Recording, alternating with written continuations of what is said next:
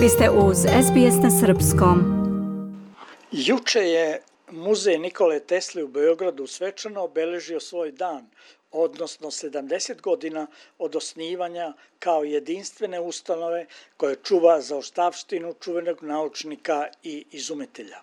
Muzej u Beogradu jedini čuva originalnu ličnu za oštavštinu Tesle, koju čine vredne kolekcije od preko 160.000 dokumenta, oko 2000 knjiga i časopisa, preko 1200 istorijsko-tehničkih eksponata, više od 1500 fotografija i staklenih ploča, kao i preko 1000 planova i crteža. Posetioci mogu da vide i kako izgledaju Teslina košulja, cilinder, rukavice, mesingarni krevet u kojem je preminuo, ali i kako rade i izumi pomoću kojih je izmenio čovečanstvo, može sve to da se vidi u muzeju Nikole Tesle u Krunskoj ulici u nekadašnjoj Genčićivoj vili. Muzej je osnovan 5. decembra 1952. godine, a za javnost je otvoren 20. oktobra 1955. i bio je prvi tehnički muzej u Jugoslaviji. Tom prilikom predstavljena je stalna postavka na kojoj su posetioci mogli da posmatraju verno izrađene modele po Teslinim nacrtima. Dve godine posle toga, 1957. u muzej je doneta i urna sa posmrtnim ostacima Nikole Tesle, pa tu godinu možemo smatrati početnom godinom muzeološke delatnosti. Sadašnja postavka muzeja Nikola Tesla urađena je sredinom 2016. godine. Autor postavka je bivši direktor Branimir Jovanović.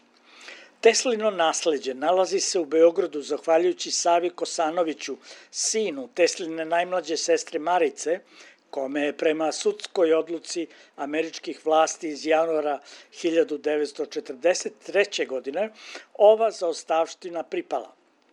On je izdejstvovao da se svi lični predmeti i spisi Nikole Tesle prenesu u Beograd. Ostavština Nikole Tesle, spakovana u 60 paketa metalnih sanduka, bačvi i kofera, prenesena je teretnim brodom MS Srbija, koji je pristigao u Riječku luku 30. septembra 1951. a potom je sve prebačeno u Genčićevu vilu u junu 1952. godine.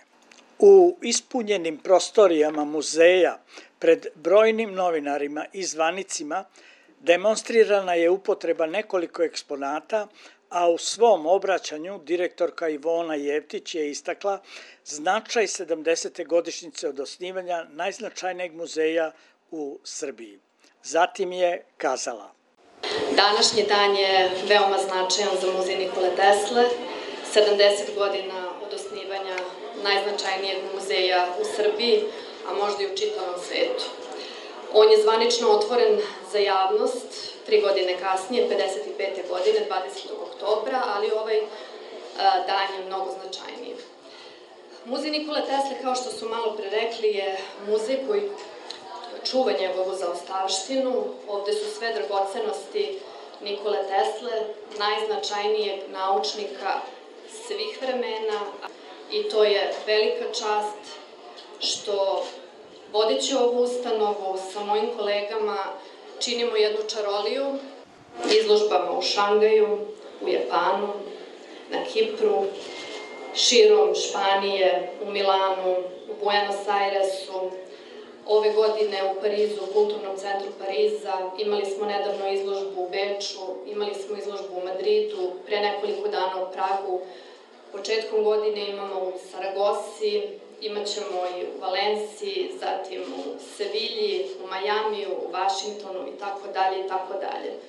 Ponos je mala reč, ono što osjećam u ovom trenutku i zaista sam zahvalna što sam dobila priliku da, da mogu da vodim da ovaj muzej i nadam se da ću u narednim godinama opravdati u još boljem svetlu Muzej Nikole Tesle je naš najposećeniji muzej. To je centar interesovanja naučnika i istraživača iz sveta, ali i trajna spona između Srbije i Tesle, a 1892. je u Beogradu dočekan uz najviše počasti.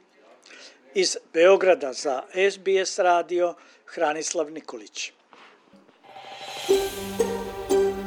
Želite da čujete još priča poput ove? Slušajte nas na Apple Podcast, Google Podcast, Spotify ili odakle god slušate podcast.